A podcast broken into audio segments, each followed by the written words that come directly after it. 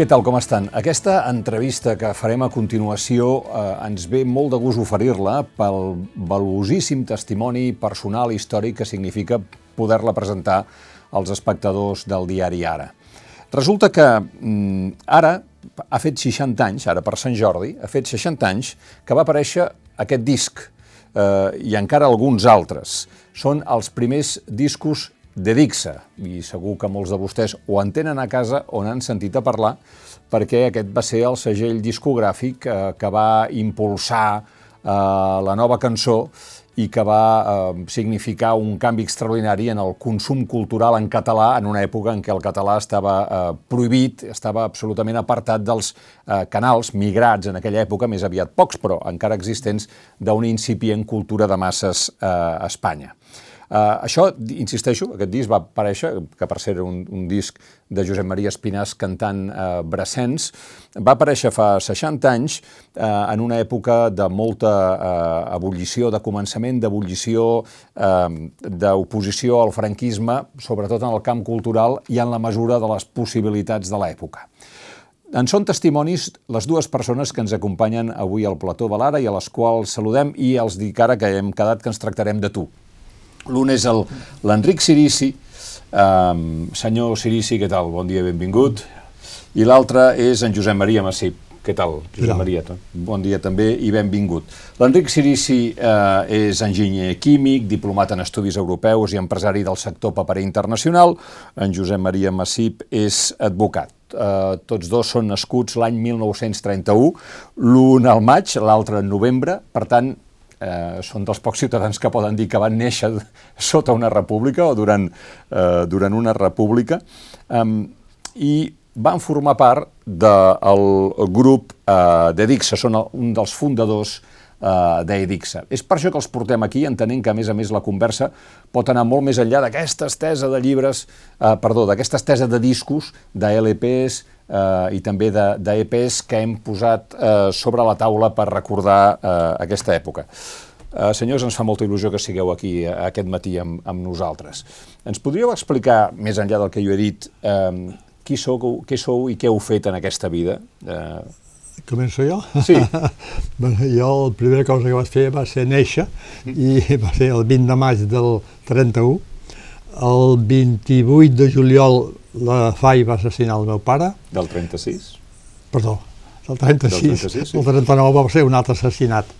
Eh, aleshores, jo de pàrvols havia anat eh, a l'escola Blanquerna, de l'Alexandre Galí, eh, un lloc fantàstic, i em vaig trobar de repente anar als jesuïtes amb un canvi total de llengua, amb formació de l'espíritu nacional, que no feien els jesuïtes, sinó que venien uns falangistes a, a doctrinar-nos, formacions al pati saludant la bandera, eh, cançons patriòtiques, etc etc. O sigui, capi total, que a més a més va durar tot el batxillerat i tota la carrera. O sigui, hi havia l'assignatura de formació de l'Espíritu Nacional, que això eh, l'havies d'aprovar fins i tot a la carrera. Ja. Aleshores, la pregunta em surt sola. Si els rojos, per dir-ho així, van sí. assassinar el seu pare, i si vostè va ser adoctrinadíssim sí. i fins i tot canviat de llengua a l'escola, sí. com és que es va, dedicar, es va dedicar a fer maleses com aquesta? A veure, primer, eh, la família era catalana de Socarrel i venia de pagès i el del priorat i el meu oncle, Josep Maria Gic, que es, es va acollir a casa seva perquè era un matrimoni sense fills, que a més a més era amic del meu pare de solters, havien estudiat a la mateixa dispesa junts, eh, juntament amb Ram, Ramon Vila de, de Badal, un dels fundadors de, de Unió Democràtica, Democràtica. Eh, es va acollir a casa seva, ell no hi era perquè estava amagat, i eh, a casa seva hi havia la, la Fundació Bernat Metge, la col·lecció, hi havia la revista Esplai, hi havia el de Cidallà, o sigui, hi havia un ambient culte eh, catalanista i, eh, per tant, allà em vaig quedar emparat.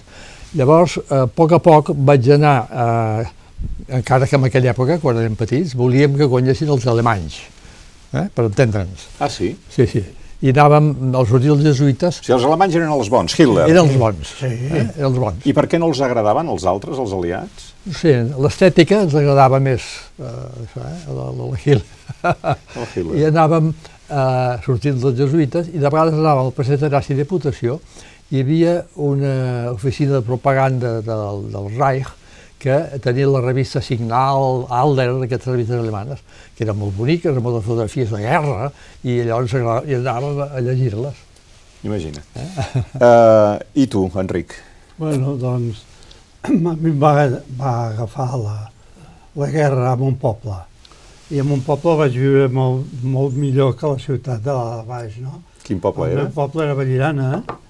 Allà venien a fusellar la gent i una de les coses que era amb un nen de, 14, de 4 anys i de 5, que passaven els cotxes amb gent que els afusellaven al, al, al pont del Lledoner. O sigui, la meva formació panoràmica del que estava passant, perquè per altre cantó els meus pares no van estar perseguits, ens vam quedar a Vallirana tota la guerra, veiem com des de Vallirana bombardejaven Barcelona i era maquíssim, perquè feien venien els avions i tiraven d'allò, vull dir, a nivell de, de 4 anys, no? Aleshores no vam estar perseguits, vam passar molta gana com tothom, però vam fer la vida al poble, vam veure el comitè, com es feia el model del poble, i va haver un, una, una personalitat autèntica que era un anarquista, eh, que es va fer l'amo del poble però va practicar l'anarquisme. La repartidora, els camps els treballava tothom, ho repartia com... Però bé, bé, francament bé. Tant és així que inclús avui té un carrer amb el seu nom. I aquest va salvar la guerra, venien de Molins de Rei, de Sant Feliu a buscar gent, i ell, pistola en mà, els parava a la carretera. O sigui que allà hi va haver, no, no, no hi va haver pau, va ser un gran exemple. Això he observat des dels 4, 5 anys, els 6 anys. Hi va haver alguna manifestació per demanar coses, en plena guerra, i, i, va, i així es va transcórrer tot fins una arribada de... Bueno, el, una pregunta que vas a fer, de que per què eren germanòfils.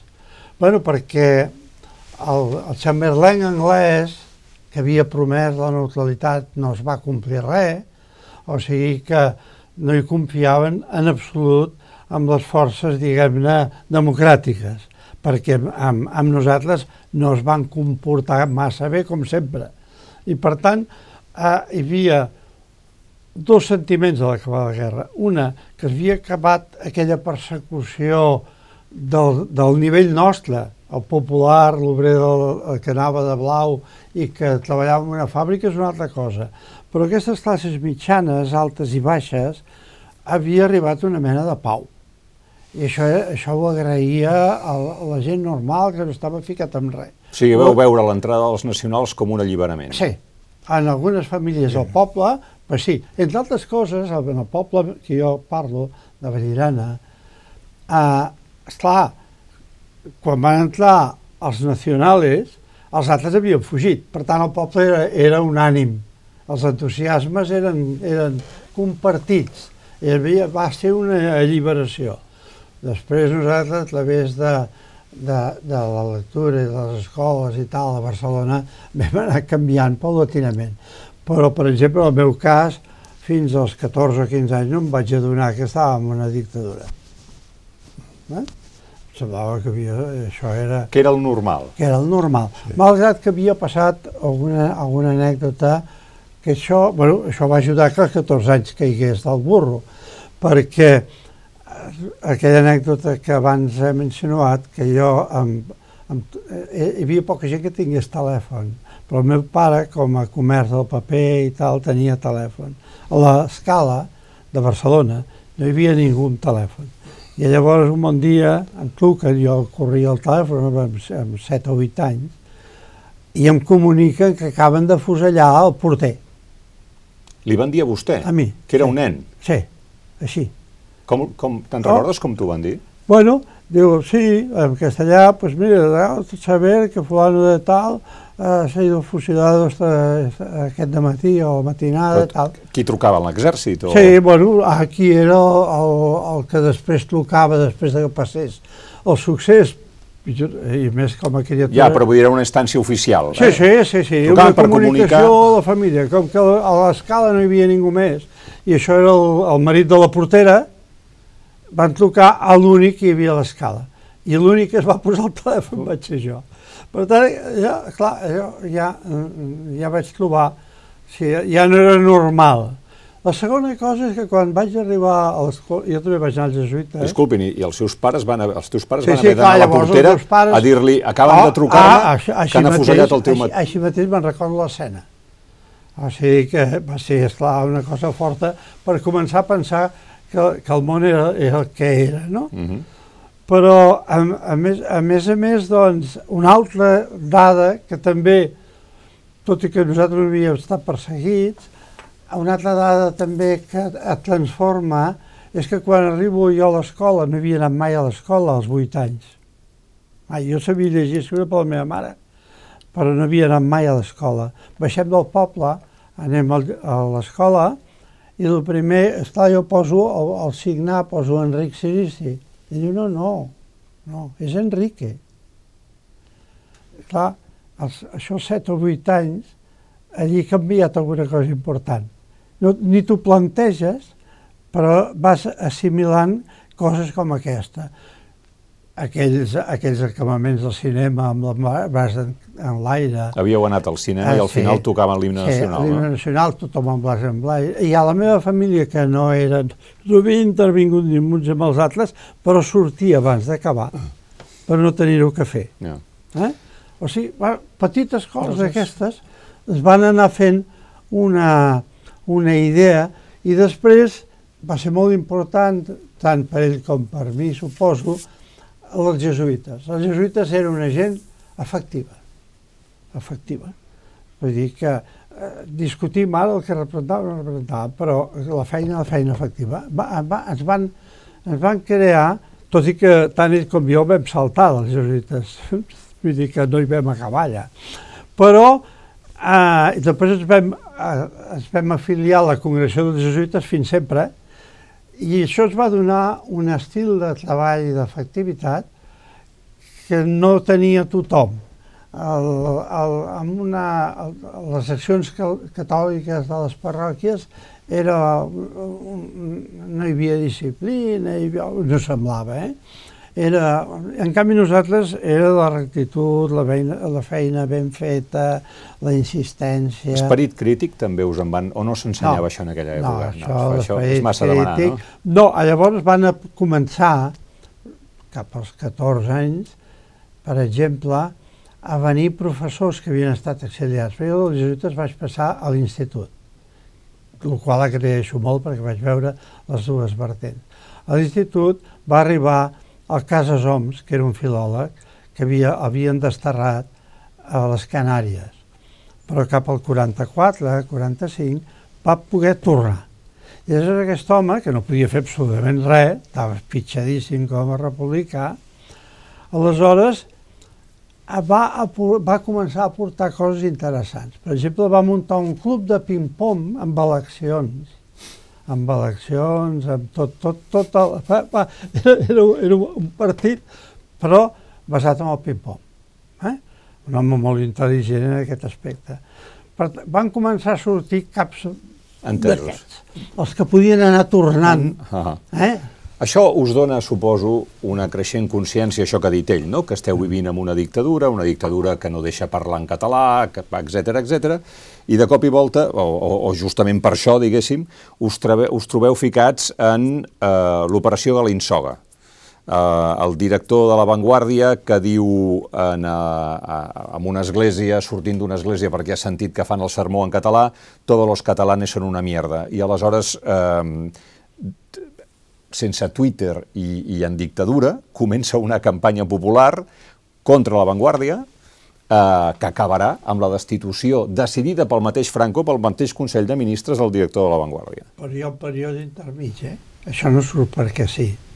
Això surt anys de preparació. Eh, Expliquem-ho, això. Sí, a veure, jo potser eh, començaria abans.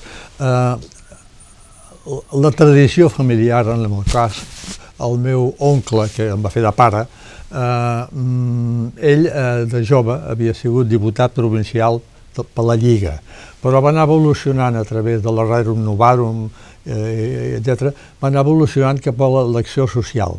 I va ser eh, amb el Pare Palau, l'acció social popular, va ser eh, del grup del, de la Caixa inicial, del Moragas i Barret, va ser conseller de la Caixa, eh, després eh, va ser director molts anys de la, de la revista Catalunya Social, eh, era molt amic de mossèn Sanabra, que venia molt a casa, eh, o sigui, doncs a casa hi havia una, un, un ambient en què eh, l'esperit català va ser sempre present. I a la congregació bueno, els jesuïtes, hi havia dues menes de jesuïtes.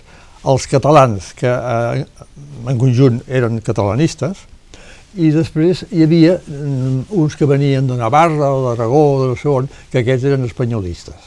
I llavors, doncs, esclar, si tu tenies classe de, de llatí amb un d'aquests, doncs era, era tècnicament, però segons eh, quines altres signatures que t'explicaven, dius, què, què, què et diu aquest home, no? Mm -hmm Llavors eh, ens vam anar retrobant al si de la congregació, eh, que jo hi vaig anar l'any 39, quan, quan tenia 8, 9, 10 anys, eh, i vaig ser molt feliç perquè ens passàvem el dia jugant a pilota, jugant a, eh, anar fent excursions per tot Catalunya, eh, i, i, el, hi havia un jesuïta fantàstic, que era catalanista a més a més, i eh, a la congregació després, a la universitària, vam descobrir que existi, havia existit, eh, abans de la guerra, una cosa que en deien Acadèmia de Llengua Catalana. Segle XIX. Segle XIX, sí, sí. I que hi havia personatges com Sagarra, Nicolau d'Olver, eh, Bufill i Mates, eh, tot, tot de personatges de l'època. Puig i Cadafal i tal. I hi havia actes... Val, val a dir que no, ells, els jesuïtes no ens ho van explicar, això. No, no, ho vam no. descobrir a la biblioteca. Ja. Llavors veu dir, eh, vam trobar, vam trobar els dir que llibres- no. I us van dir que no. I l'any següent ens van dir que sí. Quin any era això, aproximadament? Això era el 58.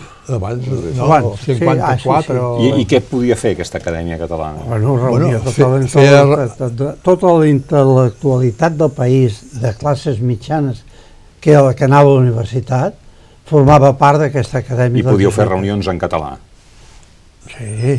el, els, abans de la guerra. I Sí. nosaltres teníem, eh, sí, la congregació ja havia canviat molt la- l'ambient, allà teníem a disposició nostra un, un teatre amb capacitat modern, amb capacitat per prop de mil persones, una sala d'actes de 200 persones, un, teníem sigui, ja, ja, ja us podíeu començar a juntar Exacte. uh, un, un nucli Sí. I llavors bastant potent. hi Hi havia, havia hagut per el exemple- Verdaguer eh, en, el, en la primera, hi havia hagut gent Sí, d'aquest ja. tipus, eh? I Però vull dir que ja podíeu començar a fer massa crítica, diguéssim. Exacte. Ja, ja, ja hi havia... I llavors es vam constituir amb l'Acadèmia de Llengua Catalana. Com va anar això del Galinsoga? Com us va arribar a vosaltres que havia passat això?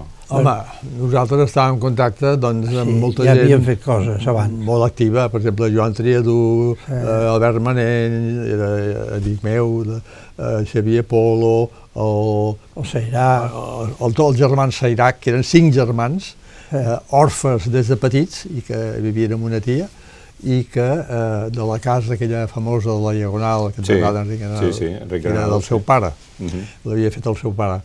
I allà van començar les reunions, perquè tenien un, una sala gran, i allà hi havia cantat la Coral Sant Jordi, havia parlat l'abat de Montserrat, havia donat conferències Vicells Vives, o sigui, allà va començar. Us van dir, escolta, en, Galiso, en Galinsoga ha dit això, hauríem de fer alguna cosa. Clar. I llavors, doncs, eh, la, fi- la filosofia que dominava des del 19 i que nosaltres vam començar era la, la filosofia Torres i Bages. Això era la filosofia, o sigui, recuperar la tradició catalana i posar-la al dia, cosa que avui és, això eh, no, no podríem seguir, aquesta filosofia. Però en aquell moment de joves els, i els jesuïtes que teníem eren propicis a pensar que la, la catalanitat, la cultura catalana, ajudava a acostar a la fe. Ja. Eh? I aleshores això comportava un, un exercici eh, promocional que la persona podia treballar a canvi de res. I una de les feines que tenien els universitaris al moment que s'acollien allà era tombar el règim, a canvi de res, sense voler ser polítics. D'altra banda, nosaltres eh, allà teníem, eh, fèiem conferències contínuament i venien doncs, en Vicent Vives, el Tot. pare Batllori... Eh, Va passar gent- tothom. Va passar tothom, gent d'Esquerra Republicana, gent de... Vosaltres éreu al Palau de la Música el dia, Sí. el dia de les detencions? Sí, Ah, porto un llibre que ho explica. sí. Aquest llibre és el grup... La generació dels fets del Palau. Ah, això mateix. I aquest rotllo és el tipus de gent que va estar allà donant castanya. Què va passar? Què Va passar que el Pujol, el Pujol no era del grup, era de Virtèlia, però hi havia una gran col·laboració. I aleshores, quan va passar el del Galitzoga, que va insultar a Catalunya, va insultar tot, perquè a més a més era, era dolent com una mala cosa, vull dir, de categoria, aleshores el Pujol va aprofitar perquè la maduració nostra d'anar fent coses acabava en tenir que fer coses públiques. I aleshores va aprofitar això per, per utilitzar bàsicament el nostre grup per fer-lo dels Fets del Palau. No, primer per fer-lo del Galinsoga. Després es va anar animant a fer més Sí, coses. la història és quan, quan Franco acaba cessant el director de La Vanguardia, al cap de poc el règim fa com un exercici de relacions públiques i ve a Catalunya i Sí, s'hi està sí. unes quantes setmanes i fa Ah, inauguracions, fins i tot fa el Consell de Ministres Ah, al Palau de Pedralbes. Sí, sí. Hi ha un dia que diuen i l'Orfeó català Ah. cantarà en presència dels ministres de Franco i a la primera cançó de la segona part serà el cant de la Senyera, Ah, perquè feia 100 anys del naixement Ah, sí. de, de Joan Maragall, que és la- l'autor Sí, de la sí. lletra del cant de la Senyera. Sí, sí.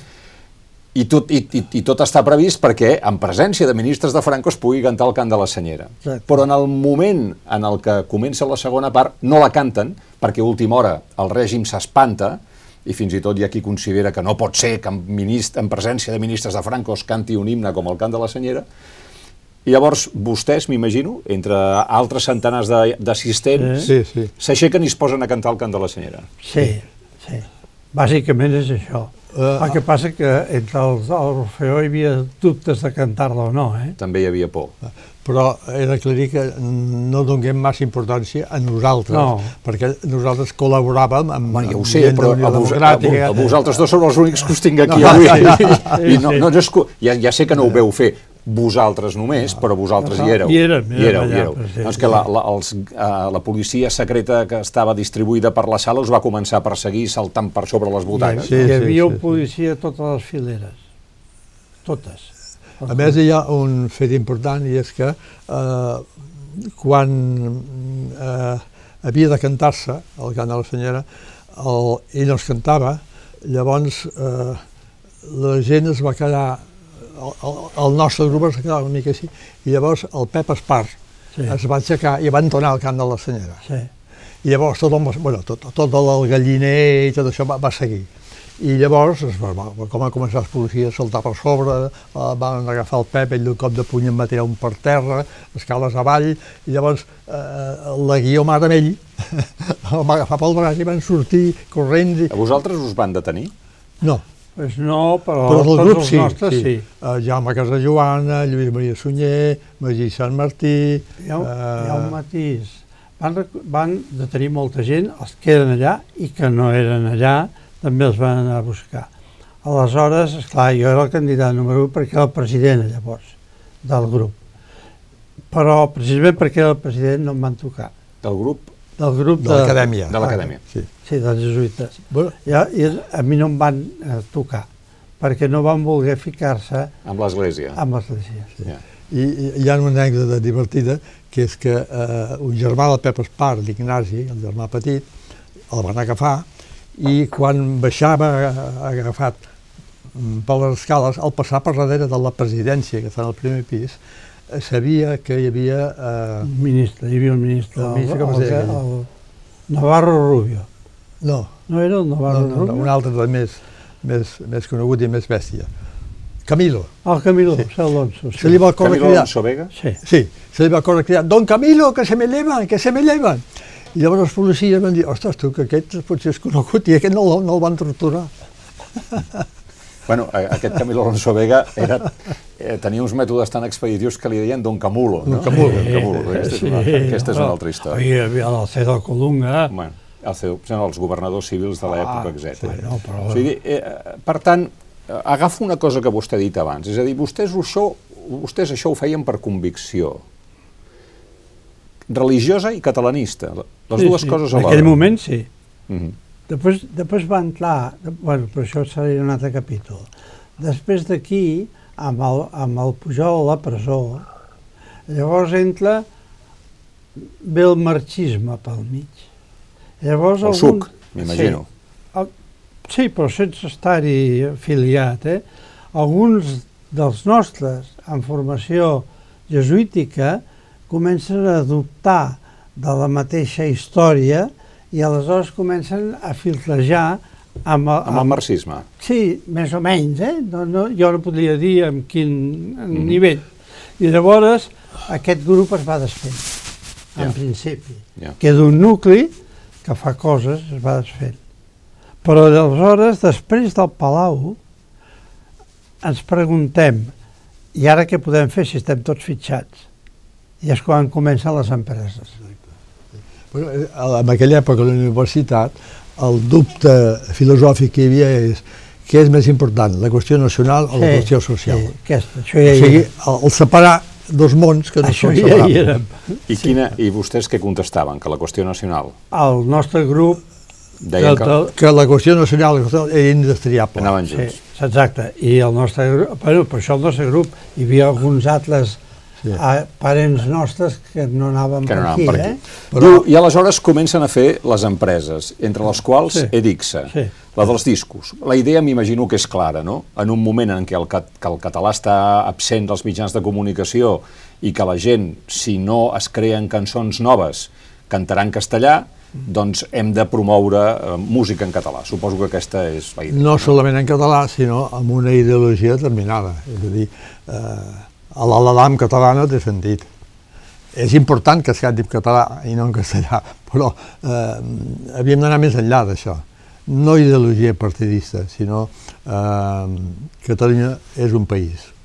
Es va triar una estètica nova, una estètica nova. I, a més a més, no serà un país, sinó és un país nou, democràtic, etc. Entesos. Això vol dir traduir els francesos que triomfen en aquell moment, Eh, Exacte. eh, els italians, Sí. els nord-americans... el Van que venir després. allò, el Bob Dylan, però també allò Sí. que se'n deien els Sí. espirituals negres en aquella Eh, època. eh, no? sí, tot això, això, una sí. mica de jazz, La també... cançó de sí, protesta. També, també. Cançó, Sí, sí. cançó protesta, exacte. Cançó protesta. Aquest era el tema. Exacte. És a dir, cançó en català, però amb una idea.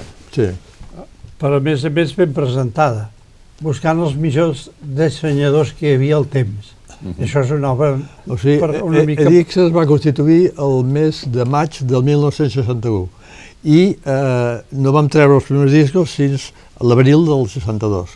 Perquè mentrestant, doncs, eh, tot això que surt aquí, eh, clar, vam, jo coneixia l'Oriol Maspons, l'Oriol Maspons em va presentar el Jordi Fornes, eh, vam entrar en contacte amb altres eh, creadors, vam trobar el Ros Marmà, el Ric Gispert, eh, dir, vam anar eh, trobant el millor del, dels millors de cada sector. Bueno, deixi'm, per exemple, que comentem aquesta portada, eh, o aquesta, perquè ens han portat, com veuen, disculpi, eh? eh disculpa, Josep Maria, que em posi aquí davant, però ens han portat eh, molts discos.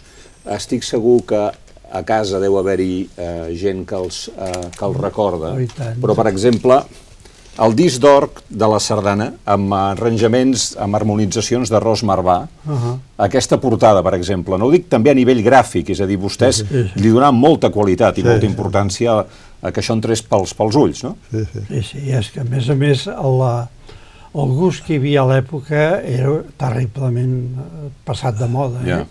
Vull dir que era relatiu... No és que fos passat de moda, és que no era gust. És que no era gust. vaja, sí, exacte. Sí. O aquesta altra, aquesta, aquest disc va estar a moltes cases, també. Sí.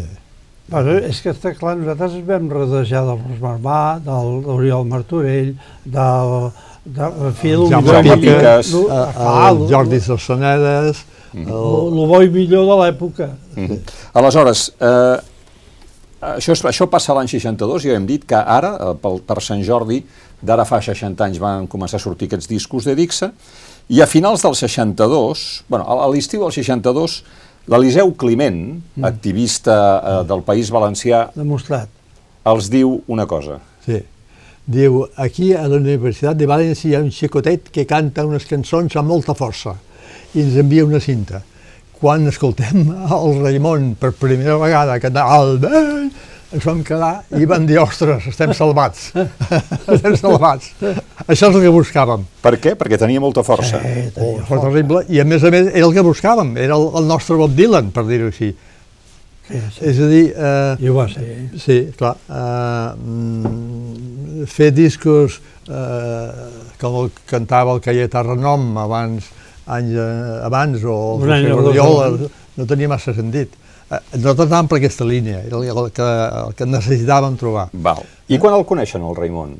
Quan el veu conèixer? Doncs el mateix, eh, el mateix 62, mm, eh, vam quedar que vindria acompanyat del Joan Fuster, amic nostre, i recordo que vam anar al Pep Espar, al Joaquim Malauquer, amic meu i company de carrera, que era eh, amic del, del Fuster i quan venia a Barcelona Fuster estava a casa seva, eh, vam anar al Passeig de Gràcia, que llavors eh, era encara el cel obert amb, amb màquines de fum, etc.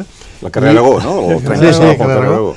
I va baixar el, el Joan Fuster amb un Raimon amb cara d'assustat, amb la guitarreta sota el braç, i ens va voler advertir. Diu, jo no cante, jo pegue xillits. Jo no cante, Jo, jo, no pegue cante, jo pegue xillits. xillits. Clar, fantàstic. I què veu fer amb ell a Barcelona? Doncs d'allí vam anar directes amb el Pep Espar a, als Premis de Santa Llúcia, que eren aquella nit, i després del sopar ell allà ja va, com, ja va cantar un parell de cançons amb tota la gent que hi havia per allà. Llavors vam anar a la pelleteria La Sibèria, que era de, de la família Espar, i que era bastant gran, i allà amb tota una colla de gent ja, ja va cantar. I l'endemà el van portar a cantar a casa del germà Sairac, que tenia molta, molta capacitat. I al cap de poc passa aquell, aquell Oh? Sí, això. Vam organitzar allà al Fòrum Vergés, a la congregació, el primer eh, festival de públic, les noves veus. Aquest és, un, és una invitació de fa 60 anys. El programa de fa... Sí, Les sí. noves veus, els 16 jutges, Miquel Porter, Remei Margarit, Josep Maria Espinàs, Delfí Abella, Francesc Pi de la Serra eh, i Raimon. I a la segona part, Grau Carol, Salvador Escamilla, Pere Cervera i un conjunt de ritmes. I aleshores... Era la presentació que vaig escriure. Uh -huh, sí, sí. Josep Maria Andreu, poeta, Premi Carla Riba, eh, convençut que la cançó és un dels mitjans més eficaços d'acostar la poesia i poble, ha intentat el camí de la cançó popular actual, l'agudesa de Jaume Piques, etc etc. I aleshores, fins i tot diu, Pere Cervera és un jove intèrpret molt identificat amb la línia de la cançó melòdica que Nord-Amèrica representa Frank Sinatra. O sigui, sí. Estem parlant de gent que tenia, no només tenia inquietud, sinó que tenia bon gust, Sí. com si diguéssim. Eh? Aleshores, vostès fan això al Fòrum Vergès l'any 62, el 15 de desembre, un quart de set de la tarda, especifica la, la invitació, i allà ja se n'adonen que, que realment en, en Raimon té tirada, no? Home, allò va ser... Hi havia, allà tenia capacitat de prop de mil persones, estava ple, ple, i quan van dir el Raimon, va caler a vegades paterrada i uns crits i aplaudiments, i, i allà doncs era gent que no era específicament catalanista, o sigui Ja. que van, eh, van dir això, això... Però a les ràdios us punxaven les cançons en català? Oh, No, no, Ja. no, això no és un altre Ah, capítol. no. La ràdio no ens punxava les cançons en català. Quan necessitàvem eh, autorització del Ministeri d'Informació i Turisme, que havien de presentar en català i en castellà. Llavors, eh, ens, eh, o quedava prohibit o ens posaven tot d'esmenes i la cançó quedava inutilitzada i si quedava eh, eh, autoritzada era amb un tampó que posava prohibida la seva reproducció en llocs públics i mitjans de comunicació. Quina gràcia. O sigui que vam estar molts anys que no solament no hi havia televisió, sinó que no, no tenim ni ràdio. Però hi havia un clima social agrupat a les parròquies de tots els pobles de Catalunya que, a més a més, era una solució fer un festival d'aquests a música Clar. i aquests no podien tocar. Clar, perquè I- a les parròquies... Ah, sí. això mateix. Ja. I això va ser una Bueno, vosaltres veu eh, aconseguir un èxit, que és que el Festival de la Cançó del Mediterrani, sí. organitzat sí. per Televisió Espanyola o participat per Televisió Espanyola, mm. Espanya va ser representada en català per votació popular va guanyar, no? Sí. Se'n va anar, aquí, sí. Eh, en Raimon i, val a dir i la que, que ens van moure nosaltres sí, per portar ja, gent. Veure. Més val no... Sí. o sigui, hi havia rectors de parròquia, que no anaven amb sotana, però que jo coneixia, no? que estaven allà, sí, que feien un festival de mediterrània. Sí, sí, sí, I allà espavilar va... perquè guanyés el se'n va anar. Sí, allà els va agafar de sorpresa, no s'ho esperaven. Yeah. Eh? Després amb el la ja, ja no el van deixar cantar en català. Bueno, el la és tota una altra història allò va, va, allò va ser molt fort. Sí. sí. Perquè veu tenir en Serrat amb vosaltres, no? Sí, sí. el Serrat també. Però el teníem en català. El tenia... El, el Serrat, la seva mare és aragonesa, o sigui, mm. ell, de, de parla materna, era castellà. Però va triomfar com a setge jutge. Sí, sí. Mm? I aleshores eh, va agafar un, un representant que es deia Lasso de la Vega, que se les sabia totes, i va aconseguir que eh, una cançó eh, del duo dinàmic, el La La La, que la cantés al Serrat. Llavors, amb ell li van dir, home, que tu pots triomfar tot el món en castellà. Va arribar un moment eh, que ell es va convèncer de que potser sí i va acceptar. Llavors, eh, el problema va ser que la gent es va, es va revoltar i llavors el mateix Serrat es trobava que anava a cantar en un lloc, fet específic, i que eh, hi havia gent que el xiulava i, i una vegada va entrar la policia que fa aquests que xiulava i ell va tenir un xoc. El Serrat va tenir un xoc. I al final doncs, doncs, eh, va veure que no podia cantar la la en castellà. I el que passa que l'editora que, que l'havia contractat perquè cantés en castellà s'estirava els pèls, perquè deia, home, ara perdem una ocasió fantàstica. I llavors... Eh, anava i venia, el anava i venia. -huh. Finalment, doncs, va, va acceptar d'escriure de, de, una carta a, a Televisió Espanyola dient que no podia cantar en castellà i que eh, si podia cantar en català sí i si no renunciava. Llavors el, el, se'n va anar a París, eh, el Pep Espart va anar allà, i va anar el Jaume Piques, va anar el Guillem Vinamota per fer-li una mica de costat, i... Eh, la, la carta la va fer París, ja era fora. Sí, jo la, la carta jo, la, jo la vaig portar. La vas portar tu. tu vas portar la jo carta d'en Serrat de París a on, a Madrid?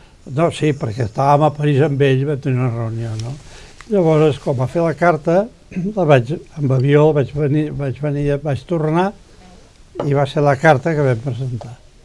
Dient, si puc cantar en català representaré ah, Espanya, si no, no. Després hi havia tots els de l'editora d'aquesta, allà movent-se. Sí, sí, esclar, naturalment. Ràdio i Televisió Espanyola van destacar dos o tres persones allà per convèncer-lo, va haver una, una lluita, perquè ell també I no les tenia tot. Caps i el Gallos. Caps, tota aquesta gent estaven a París, nosaltres també, i, i al final ens vam sortir momentàniament. No? Ja, ja.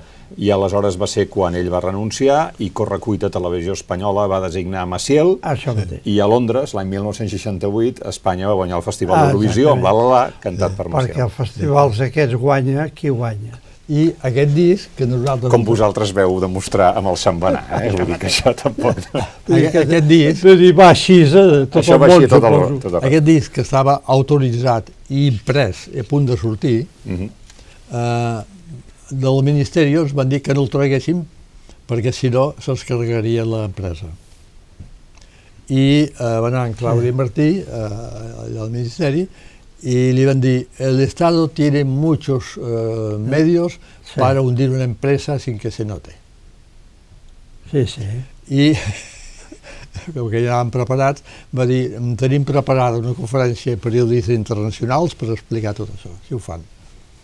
Però aquest disc va arribar a sortir o no? Sí, sí, sí, sí perquè la, amb aquestes respostes es van, es van espantar. Que és un disc on Serrat cantava a la presó del rei de França, el Comte Arnau, sí, la Dama sí, d'Aragó, sí, el Vall sí. de la Cibada, el Rossinyol, sí, sí. la presó ah, de Lleida, ah, vull dir que, i això és el que eh, volien prohibir, una mica suposo que com a represàlia sí, no, de, sí, sí, sí. De, tot, de tot el que havia passat. En fi, després la mateixa els mateixos signes dels temps, els canvis tecnològics, als anys 80, Edixa va, va desaparèixer. Sí. Abans d'això hem de dir que eh, Edixa, els primers discos, eh, sortien amb un segell que posava Edifont. Hi havia un català que tenia eh, una cosa que deia eh, cultura per correspondència, que tenia eh, una, una marca que no utilitzava. I vam llogar aquesta marca perquè, a fer, eh, perquè ell estava, això sortia de Sant Sebastià, i així passàvem la censura a Sant Sebastià.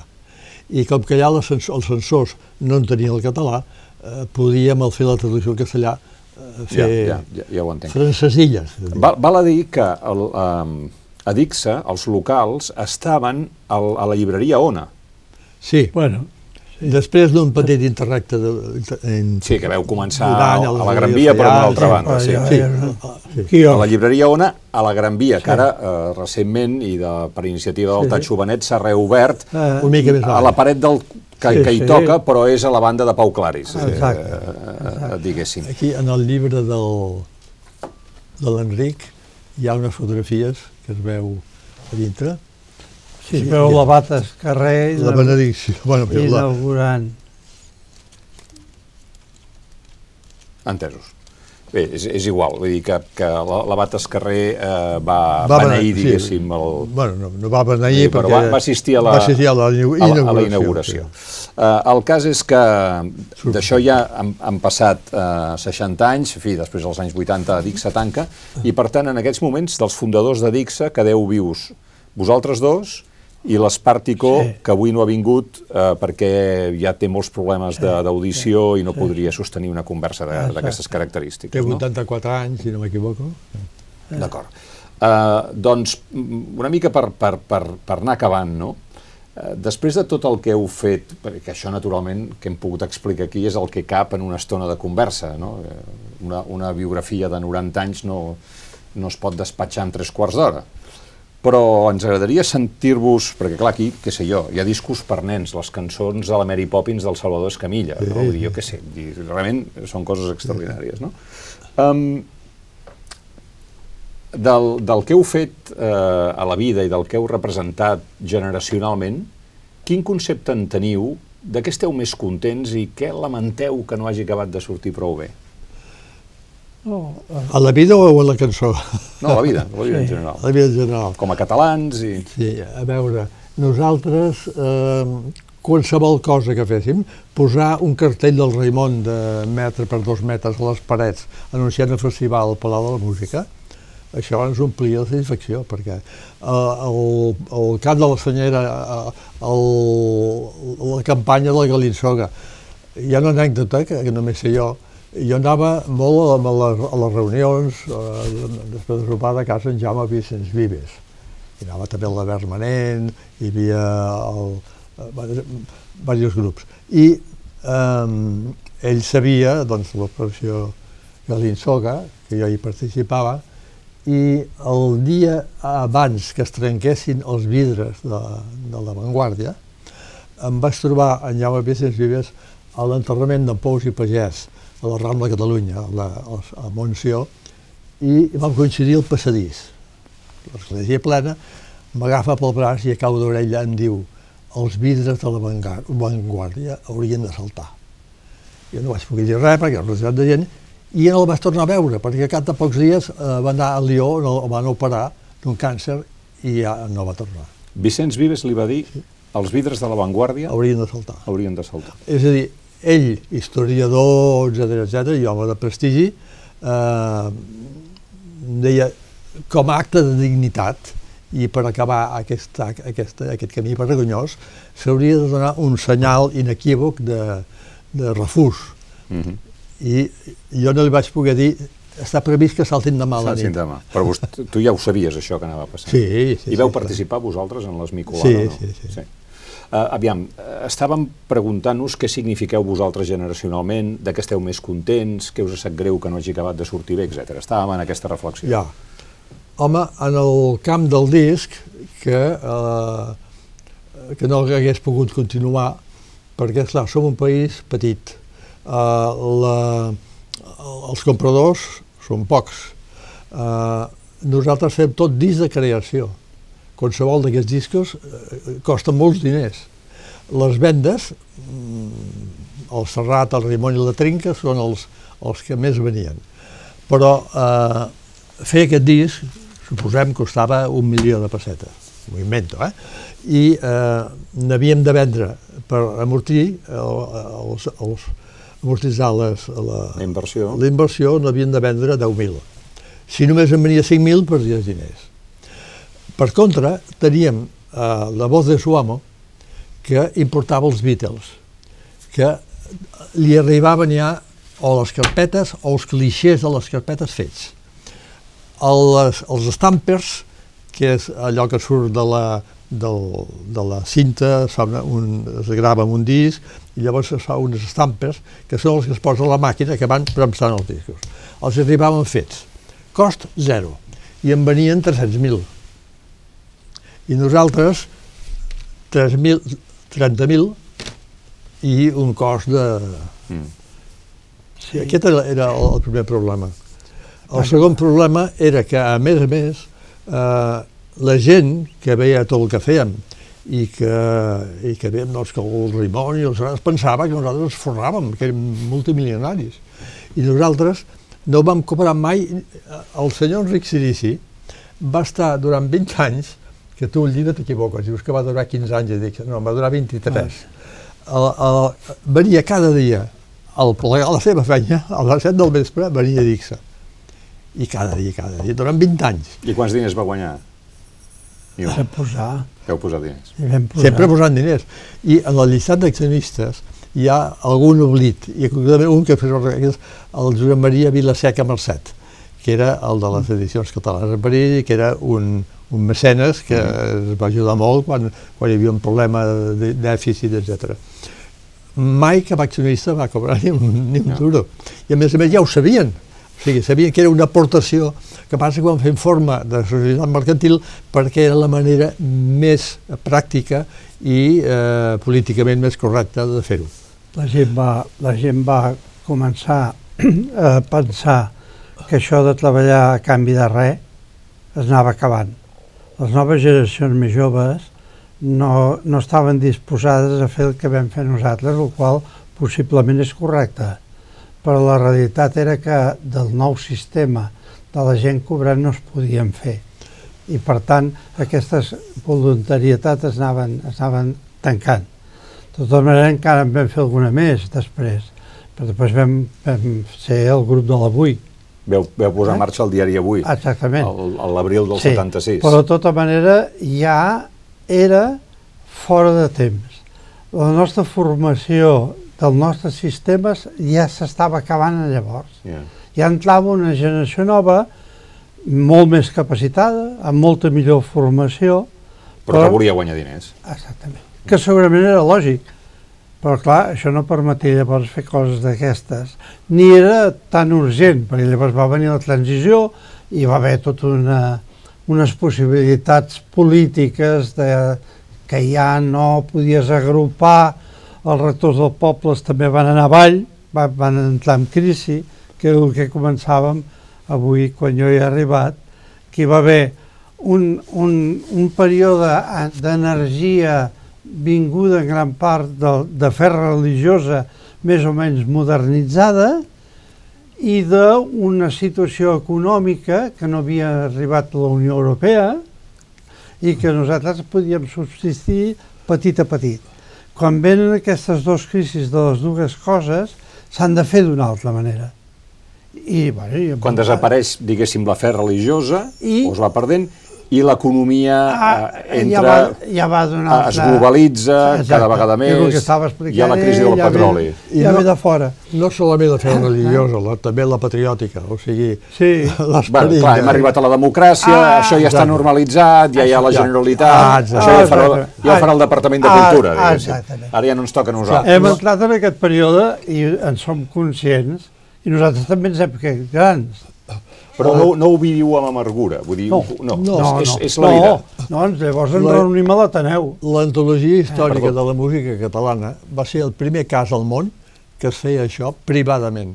Només hi ha un cas, que és el de Suïssa, que existeix una, a Puixària ja en aquell moment, eh, que existeix una antologia de la música eh, suïssa reduïda a piano i amb eh, subvenció de l'estat federal. No, no això, això m'interessa molt, la vostra actitud vital, com contempleu la vida. És a dir, vosaltres teniu la impressió que veu cobrir la vostra etapa tan dignament i tan honestament i tan compromesament com va ser mm-hmm. possible mm-hmm. i que després vinguin els darrere i que facin el que creguin que han de fer. I ja està. Vosaltres no éreu ni millors ni pitjors no, que els no, d'abans no. o els de darrere. No. El que sí sap greu és que eh, en tots els llibres que s'han escrit sobre la cançó el nom de Dixa no surt.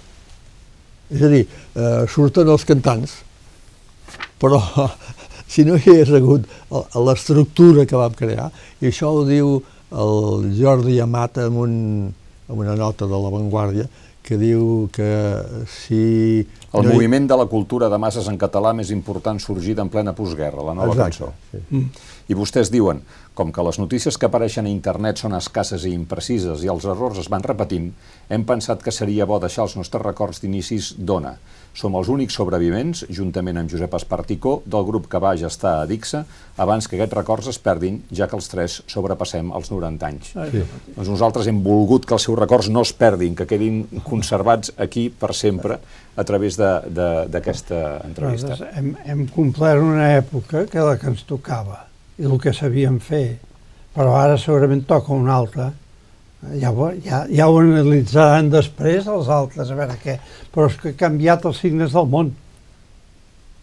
En què han canviat més els signes del món? Doncs pues amb la formació personal, ara hi ha un agnosticisme amb tot, eh? nosaltres creiem, teníem unes fes tancades, que ja vam començar també a pensar pel nostre compte, però no tant com després, i després d'això teníem una situació, hi ha una situació econòmica diferent. Avui la multinacional, aquella època teníem les fronteres tancades, un petit negoci funcionava, però això es va ensorrar amb, amb la Unió Europea immediatament. Bueno, I vostès I, ja van viure millor que els seus pares, perquè ja tenien neveres i tenien cotxes, i el que anava a la universitat tenia feina. Bueno, teníem, vam començar, jo vaig començar a tenir els 600, que ja, ja funcionava Edix, eh? Els 600, eh? Però el rector, cada vegada que anava el que havia comprat els 600 i deia, mira, escolti, m'he comprat els 600, el rector deia, doncs pues ja és un felirès menys. Perquè se'n anava. Se n'anava de cap de setmana. Bueno, aquestes coses, eh? O sigui, el canvi sociològic ha uh -huh. tingut molta importància. Ara seria impossible fer això. Yeah. De dones n'hi havia en això? Sí, n'hi havia, però com a dirigents no, no masses. Gaires. No. Eren altres temps, eh? Eren altres eren temps. altres temps, eh? Bueno, eren altres bueno, temps. Perquè vosaltres esteu casats? Sí. sí. Les vostres dones participaven en aquestes coses? La, sí, sí, sí, sí. la meva... La, la anaven no... a enganxar cartells i a tirar pedres? La meva no, no perquè em vaig casar bastant gran. No, però tenia quatre filles, eh, jo tinc quatre filles, i algú se n'havia de cuidar. I algú se n'havia de Clar, cuidar. Eren altres temps. Però, Però a, més per exemple... a, més, a més a més, per això seria un altre tema, el de les dones, eh? Tampoc, tampoc s'entlegaven com ho fèiem nosaltres, perquè la, la cultura del moment... No ho portava. No ho portava. No ho portava. Eh? Escolti'm, i ja per acabar, eh, hi ha algun fil que uneixi tot això que van fer vostès, tot, eh? Vull dir, des del Galinsó, els fets del Palau, Edixa i l'avui, el procés? El? El procés, el, el procés independentista. Bueno, en aquí, clar, per cada dels nostres grups han sortit altres coses. Per exemple, bueno, aleshores, quan vam trobar sense feina, ens vam anar incorporant a l'Ateneu. I a l'Ateneu mantenim el clima. Sense feina vol dir quan es van jubilar. Sí, ah. bueno, ens vam jubilar i ens vam jubilar també d'aquestes coses, perquè els polítics ja ho farien. Vull dir, no, no purament... Que és curiós, nosaltres érem un grup que eh, no, érem, no vam eh, estar mai afiliats a cap partit no. polític. Vosaltres no éreu de Convergència? No. no. Tot no. i que els fets del Palau estan sí, molt vinculats no, a la que... biografia política de Jordi no, no. Pujol, etc. Però no? sí. allà els fets del Palau doncs, anaven sí. de, de, del Preset, de, de, de Unió Democràtica i d'Esquerra de, Republicana. I de, tot. Clar, sí, jo, jo era amic, per exemple, de, del el Josep Fornes, que era representant de, Ara, de Tarradellas. Perquè encara I... aquella època tiràvem nosaltres del carro, eh? Nosaltres tiràvem del carro, eh? Sí, sí, sí. No els partits polítics. Oh. Vos, Sí, sí, Tiràvem vosaltres. nosaltres del carro. Vosaltres. Després ja amb les, les primeres eleccions això va anar, va anar canviant, no? O Però sigui, de no- tota manera, tota manera, encara ara produïm coses d'aquestes. Vull dir, el, el, el fermet encara és una derivació del, del clima aquell. O sigui, l'Oriol Amorós... L'amorós Ai, encara eh, el que està no, fent, Oriol, com es diu? Joan Amorós. Joan Amorós era del nostre Sí, grup. exacte. O sigui que encara som els mateixos, eh? He portat unes... Bueno, ja ho diré després.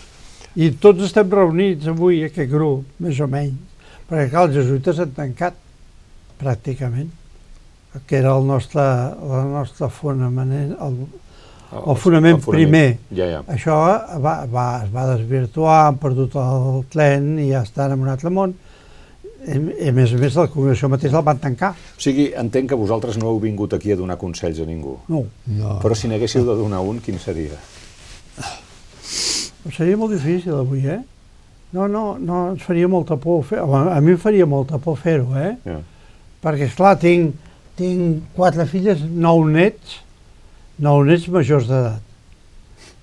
I, I parlo amb ells i, clar, eh, les seves professions eh, van per un altre cantó. O sigui, tinc un net arquitecte que parla de l'evolució de, de filosòfica de la situació, de, de partir de, de, de la, del canvi de cicle, doncs de, de fer una estructura arquitectònica... Del- del canvi climàtic, social. vol dir, o? Sí, el canvi climàtic, tot això, clar, tot això modifica i ho fan des d'un punt de vista professional.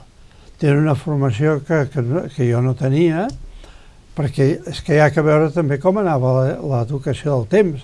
Jo, va, jo, la meva química era de riure comparat amb el que ensenyen ara, eh? Clar, ni un contacte amb una publicació estrangera, ni en anglès. Oh, No, res, ni- anglès. Ni, ni Tot- res, ni Tots els meus nou nets parlen l'anglès habitualment.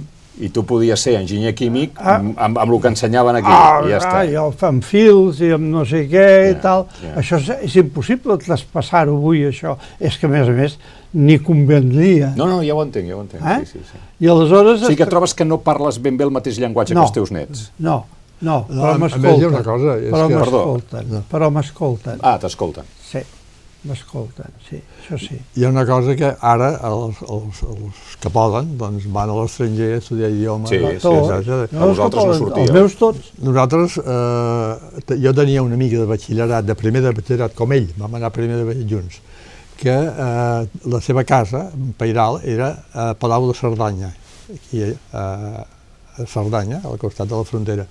I jo anava a casa seva a l'estiu, passant la, la, el Pirineu de nit, eh, perquè no tenia passaport.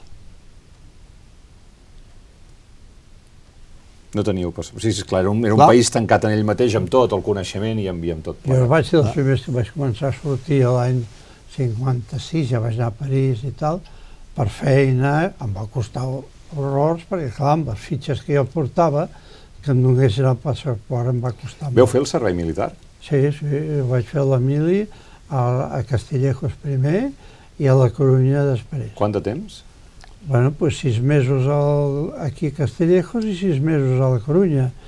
I tant. I llavors vaig intentar connectar amb els gallecs, perquè després vam editar en gallec. En gallec els discos, eh? sí, sí. I després vam dedicar en basc, perquè jo anava contínuament al País Basc. Jo vaig parlar amb els de l'ETA abans que ho fossin. Abans, amb els... els i, I em deia, vosotros los españoles, em deien els, els, els bascos, que, eh, basquistes, quan vam començar a fer discos en basc, em deia, vosotros los españoles, tanto, eh? que jo, jo, va- era, era així. I al cap de temps ja va haver el Manzanes i llavors ja també Ja vam, veu- ja veu ens vam allunyar. Ja ho entenc. Com es poden imaginar, aquesta conversa podria estirar de, de molts fils biogràfics i, i potser ho podrem fer un altre dia, eh? vull dir que això és de saber. No? Però entenem que, com a primer tast, si se'n permet dir així, per celebrar que ara fa 60 anys va, primer, va sortir el primer disc d'Edixa, i que, i que encara ens ho poden explicar les dues persones que hi van estar el primer dia, doncs, doncs aquest, aquesta estona aquí al plató de l'Ara valia la pena. De manera que, senyors Enric Sirici i Josep Maria Massip, moltíssimes gràcies per, per haver vingut i per haver-nos portat el record físic, el testimoni històric d'una feina de la qual, en certa forma, en som d'autors i, i encara, encara gaudim eh, a través dels discos o de les moltes altres coses que, molts altres camps que vostès han conreat. Gràcies i fins una pròxima ocasió. Molt bé, moltes gràcies. Encantat. I a vostès també moltes gràcies per haver-nos vist. Si ens volen deixar els seus comentaris o els seus records, eh, com sempre, al portal de l'Ara seran benvinguts. Fins una pròxima ocasió.